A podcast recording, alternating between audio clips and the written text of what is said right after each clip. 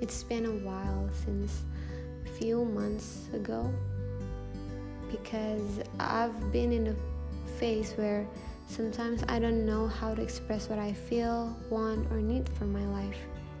It genuinely feels like I don't know what I'm doing anymore. All I know is that I wake up in the morning, have breakfast, and try to get through the day as fast as I can. It may look like I've got everything figured out. It may look like I know what I'm doing. I have goals, ambitions, places to be, people to meet, meetings to attend. But genuinely, I'm as lost as any other sane person.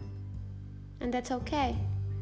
In this ever changing world, it may seem like we all need to have our lives put together or a plan for the future, but that's not true.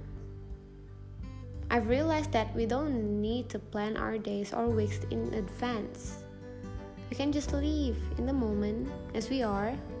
We can choose to make the most of what life gives us and be grateful for it. We can try to be happier, softer, gentler with ourselves. And even if we make mistakes, we can start over again and we can still keep going, living, loving, and learning all over again.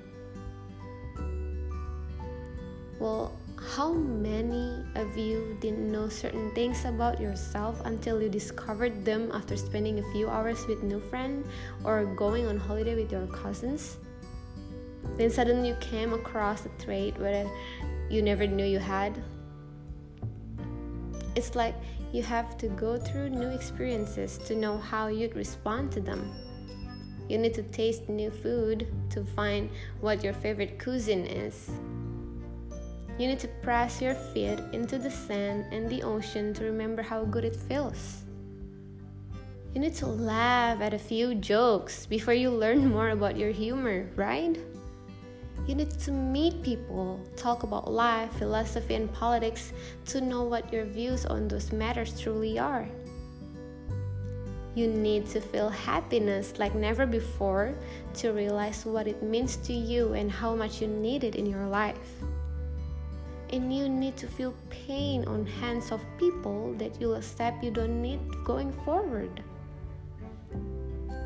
You need to fall head over heels in love with the wrong person to know that it's wrong when it's when it feels like, oh, I know the right one.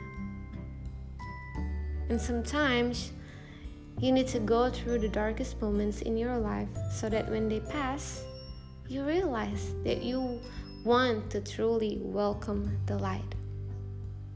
Well, that's how I felt this past few months, and now I overcome it.